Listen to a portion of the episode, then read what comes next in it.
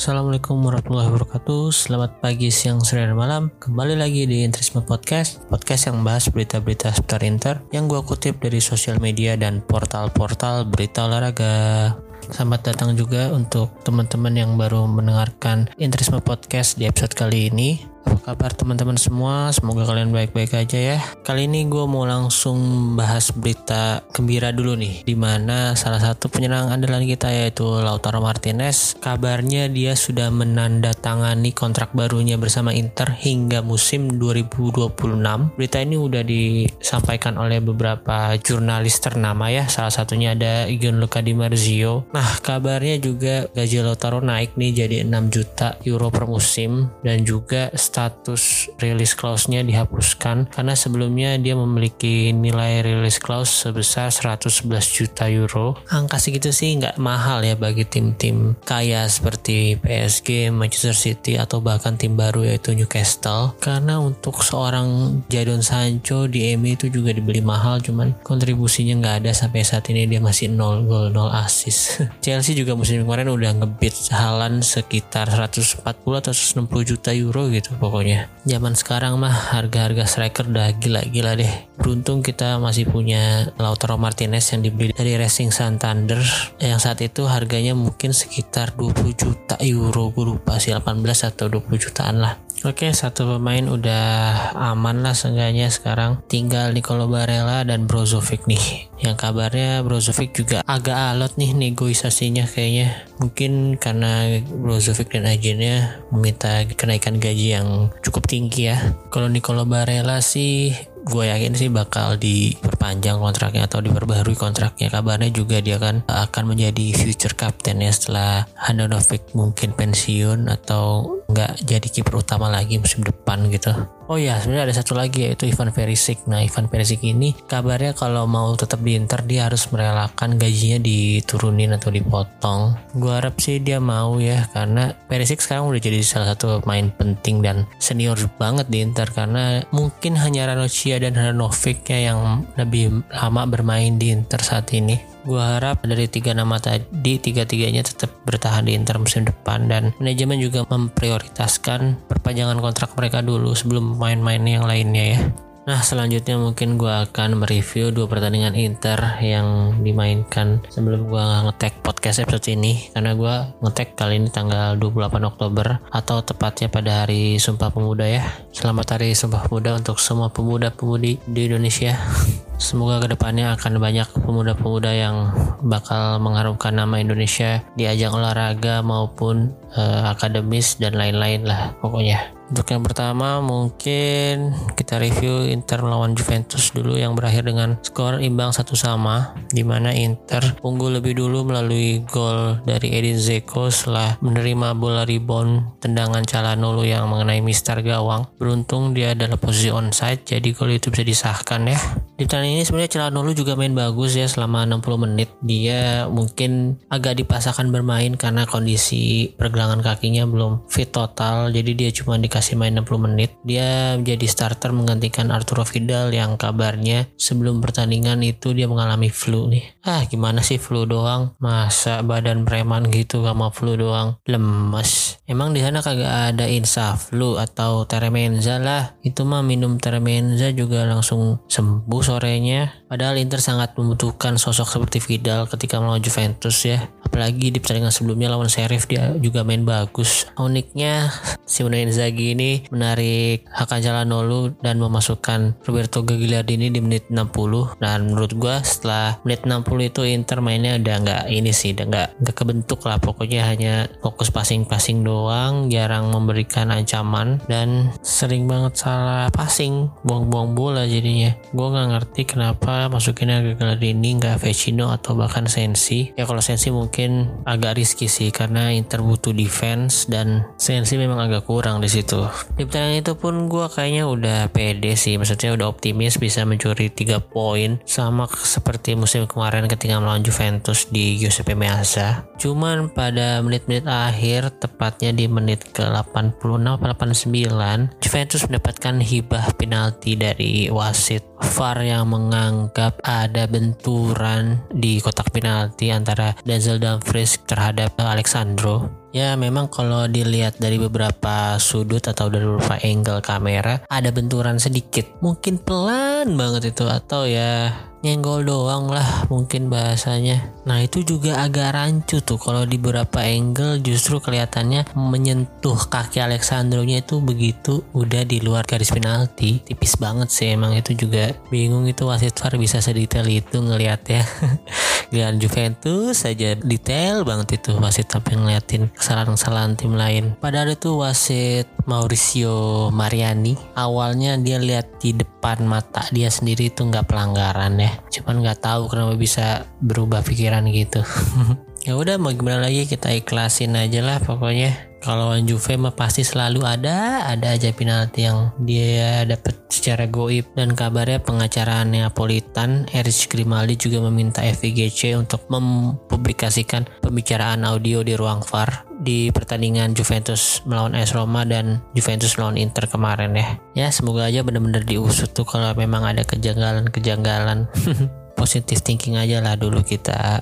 Dan memang secara permainan juga Inter memang gak main bagus-bagus banget kan. Golnya juga bisa dibilang gol hoki ya karena mantul tuh dari tiang gawang. Terus juga Denzel Dumfries memang terlalu ceroboh sih menurut gua kemarin. Itu kan bolanya masih belum bahaya-bahaya banget ya kalau dia dapat bola di situ pun. Peluang pemain untuk mencetak gol masih kecil ya ngapain dia melakukan gerakan begitu? Mungkin uh, niatnya menghalau bola atau memang nyari bola untuk di clear gods. Cuman kan itu risky banget apalagi lawannya tuh yang punya liga lu nggak boleh gerakan-gerakan yang berbahaya tuh bakal jeli banget wasit dah kalau misalnya Juventus yang main Dan kalau kita lihat secara karakteristik Denzel Dumfries menurut situs Who Scored, weaknessnya ini memang ada di tackling. Tacklingnya dia weak dan dia style of playnya tuh likes to play short pass, does not dive into tackles dan commit falls too often. Jadi memang sering melakukan pelanggaran nih. Karakteristiknya ini nggak cuma pas main di Inter, ini udah dapet dari ketika main di Belanda atau main di PSV musim kemarin ini. Crossingnya juga jadi weakness, holding onto the ball juga jelek kelihatan sih. Dari kemarin dia mainnya kalau megang bola tuh kayak ringkih banget gitu nggak pede megang bola. Beda sama Darmian walaupun Darmian nggak punya skill yang bagus-bagus amat kayaknya pede gitu kalau megang bola. Untuk strengthnya di sini ada aerial duels very strong. Ya terbukti ketika melawan Sheriff dia kasih assist ke Stefan De Vries dari sundulannya. Terus key passnya juga strong blocking double juga strong concentrationnya strong. Nah concentration mungkin agak dipertanyakan nih karena di beberapa pertandingan dia bersama Inter terutama lawan Juventus kemarin melakukan hal ceroboh seperti itu sih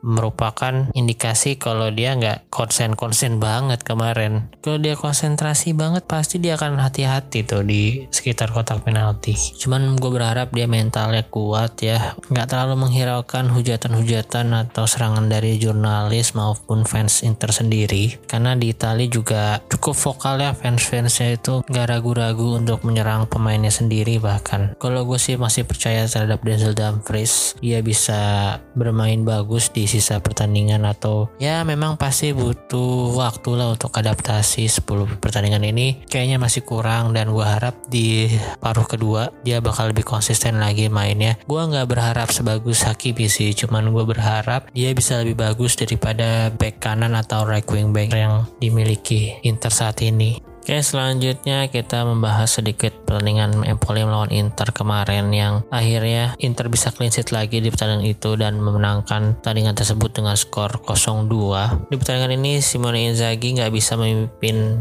Inter dari sisi lapangan dan ia digantikan oleh asistennya yang bernama Massimiliano Faris. Kalau zaman Conte sih uh, si Stellini ini rekornya 100% menang ya ketika Conte nggak bisa mendampingi Inter di sisi lapangan dan alhamdulillahnya akhirnya Marcelo Faris ini juga bisa menang di pertandingan pertamanya menjadi head coach di sisi lapangan pertandingan Inter kemarin. Kalau dari segi line up, Inter merotasi pemainnya. Ada beberapa pemain yang biasanya bermain dari bench menjadi starting line up di pertandingan kemarin. Salah satunya ada Alexis Sanchez, Alexis Sanchez ini kalau kita lihat dari statistik ketika dia dimainkan jadi starter yaitu sudah sebanyak 23 kali berkontribusi sebanyak 21 gol menyumbang 9 gol dan 12 assist. Ini merupakan statistik yang bagus ya dan pembuktian juga kalau dia masih layak digaji mahal di Inter karena setiap dia main memang memberikan impact yang bagus ya walaupun Ya itu kendala utamanya injury prone. Kalau menjadi striker backup sih bagus banget emang Alexis Sanchez cuman gak rela gitu gaji pemain mahal-mahal ini cuman untuk main dari bangku cadangan. Harusnya dia bisa menurunkan gajinya ya. Kalau dia masih mau main di Inter musim depan atau kabarnya juga di jadwal nanti kalau ada tim yang mau membelinya dia bakal dilepas sih kalau gajinya cocok dengan calon klub barunya. Selain Alexis Sanchez, Federico Di Marco, Roberto Gagliardini dan Danilo D'Ambrosio juga main sebagai uh, starting eleven kemarin. Dari nama-nama tersebut mereka main cukup bagus dengan kemarin bahkan Gagliardini pun yang walaupun di awal-awal agak sempet nggak jelas mainnya ketika Inter sudah bermain melawan 10 pemain Empoli itu dia udah agak nyaman ya bisa meliak-liuk meliak-liuk gitu tuh. Bahkan dia mencetakkan gol pakai tangan. Untung udah ada VAR tuh kalau nggak ada VAR itu udah disahin tuh. Malah awalnya dia ngakunya pakai bahu lagi pas dicek VAR baru dia nyengir-nyengir dan pura-pura innocent begitu dikasih kartu kuning Oh ya satu lagi dia sundulannya juga kena tiang tuh. Iya lagi nggak oke juga sih emang kemarin. Padahal si Vicario kipernya Empoli udah nggak bisa nge-reach tuh sayangnya kena tiang. Untuk pencetak gol kemarin, golnya dicetak oleh dua defender ya, satu dari Danilo D'Ambrosio, asis dari Sanchez dari striker, satu lagi juga asis dari Lautaro Martinez dari striker ke Federico Di Marco back kiri. Kemarin Lautaro Martinez juga nggak terlalu banyak mendapatkan ruang sih, emang dia dijaga sama Luperto agak ketat ya. Mungkin karena Sanchez mainnya terlalu mobile ya, jadi sering jemput bola dan nggak ada di lini depan depan. Jadi fokus back-back mereka lebih ke Lautaro Martinez yang jadi ujung tombak Inter kemarin. Untuk kartu merah pemain Empoli kemarin diberikan ke Samuel Ricci, pemain nomor punggung 28 dari Empoli ini memang kalau gue lihat ya pantas dikasih straight red card sih. Pertama itu kondisinya lagi fast break dan kalau Barella bisa lewat dari dia itu kemungkinan golnya di atas 70% menurut gue. Dan kedua emang tackle-nya lumayan brutal sih. Momentumnya itu lagi kenceng-kencengnya itu Barella lari terus dia langsung motong Barella gitu gue juga sempet ngeri sih karena Barella begitu jatuh teriak-teriak kan dia pegangin bahunya gue takutnya ya cedera bahu tuh karena jatuhnya lumayan kenceng sebenarnya di awal-awal pertandingan kita sempet deg-degan tuh karena si Danilo D'Ambrosio kakinya seperti membentur kaki Bajrami atau Zurkowski ya di kotak penalti. Dan anehnya di sini VAR nggak mengintervensi ya. Gue nggak ngerti. Kalau menurut gue kalau peraturannya sama kayak yang Juventus dapetin kemarin itu sih menurut gue penalti ya. Ya cuman ya sebagai interest ya gue relief bersyukur gitu. Itu nggak penalti cuman ya harusnya wasit konsisten dong. Kalau kemarin Juventus bisa dapat foul atau penalti dari kejadian seperti itu harusnya tim lain juga bisa dapat penalti juga kalau ada kejadian kayak gitu lagi. Contohnya waktu pertandingan kemarin tuh kalau dilihat dari replay memang ada sedikit benturan di kaki belakang pemain Empoli. Si D'Ambrosio itu gak sengaja sih memang cuman ya. Denzel Dumfries juga sengaja ya semoga aja lah wasit-wasit FIGC atau wasit-wasit Serie A bisa lebih konsisten lagi dan semoga federasi bisa memberikan sanksi yang berat untuk wasit-wasit yang tidak kompeten atau melakukan kesalahan baik itu disengaja maupun gak disengaja. Ini juga demi Liga Italia yang lebih sehat dan lebih seru untuk ditonton gitu. Kalau bener-bener fair itu kan seru. Gue juga ya nggak mau naif ya karena Inter kadang-kadang juga diuntungkan. Dari beberapa keputusan wasit walaupun nggak lebih sering daripada Juventus atau Milan gitu. Untuk man of the match pertandingan lawan Empoli kemarin sih udah pasti Orsevier dan Loda Ambrosio dengan satu gol dan satu penyelamatan gemilangnya di babak pertama. Itu Handanovic udah salah lompat tuh kalau nggak kena paha D'Ambrosio mungkin gol ya memang D'Ambrosio ini kalau dikasih main pasti itu bakal nyetak gol atau melakukan penyelamatan gemilang. Dan kalau nggak salah inget tahun 2018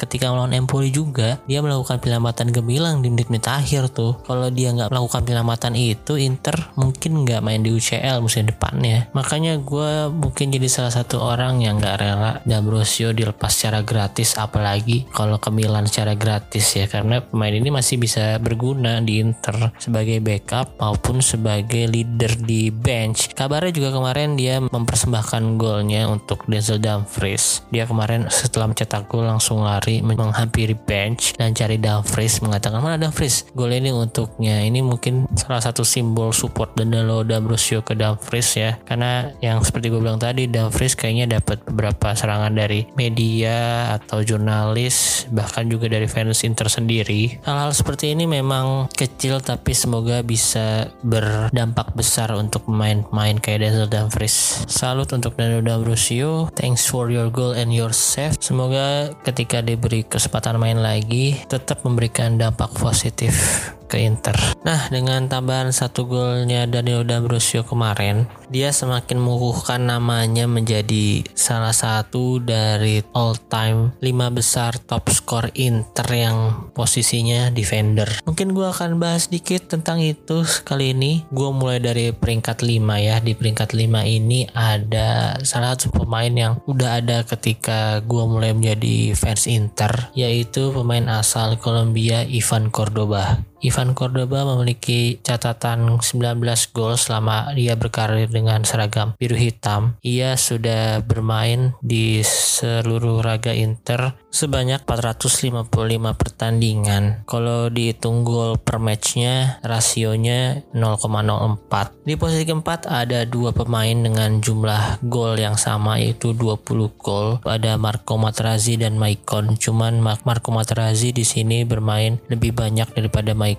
sebanyak 276 kali sedangkan Maicon hanya 249 kali. Di posisi ketiga ada legend kita yaitu Javier Zanetti dengan jumlah sebanyak 21 gol. Di sini ia sudah bermain 858 kali atau rasio gol per matchnya hanya menyentuh angka 0,02. Wajar ya karena dia main sebanyak 858 kali. Jumlah rekor dengan appearance terbanyak untuk Inter saat ini belum ada yang mendekati untuk menyentuh rekor penampilannya di Inter ya. Paling potensial sih harusnya kiper ya karena kiper jarang diganti dan jarang cedera juga. Cuman kiper kita sekarang udah tua nih Handanovic mungkin satu tahun lagi pensiun harusnya nah tapi di posisi ketiga ada calon legend kita juga nih yaitu Danilo D'Ambrosio yang kemarin baru saja mencetakkan gol ke 21 nya selama berseragam Inter Danilo D'Ambrosio di sini sudah bermain sebanyak 236 kali dan rasio gol per matchnya cukup bagus yaitu 0,09 hampir menyentuh 0,1 di posisi kedua ada Giuseppe Bergomi atau BP Bergomi biasanya. Ia dipanggil. Dia salah satu legend Inter dan timnas Italia juga ya karena untuk di Inter dia bermain cukup banyak sebanyak 254 kali bahkan lebih banyak dari pemain yang berada di posisi satu yaitu Giacinto Fassetti yang bermain sebanyak 636 kali dan berhasil mencetakkan 75 gol selama ia berseragam Inter. Giacinto Fassetti ini goals per matchnya berada di rasio 0,12 cukup bagus untuk seorang back ya beliau juga seorang legend yang sampai sekarang jersinya sudah diretirekan yaitu dengan nomor punggung 3. Pemain terakhir yang bisa memakai nomor punggung tersebut kalau nggak salah Nicolas Burdiso sebelum dipensiunkan ya nomor punggungnya. Dan dari nama yang gue sebutin tadi, Giacinto Fassetti ini satu-satunya yang udah almarhum ya. Beliau meninggal di tahun 2006 dan selama karir profesionalnya dia hanya bermain untuk tim senior internasional bersama Inter dia berhasil mendapatkan 4 gelar Liga Italia dan dua gelar Liga Champion yaitu pada tahun 1964 back to back ke 1965. Sekian untuk list top 5 all time Inter top scorer from defenders atau bahasa gampangnya mungkin 5 back Inter dengan cetakan gol terbanyak selama berseragam Inter. Yang sebenarnya diisi ada 7 pemainnya di sini karena beberapa pemain ada yang jumlah golnya sama. Gue kira awalnya bakal ada nama Sinisa Mihailovic karena dia kan sering cetak gol dari free kick ya bahkan dia pernah cetak hat trick lewat free kick.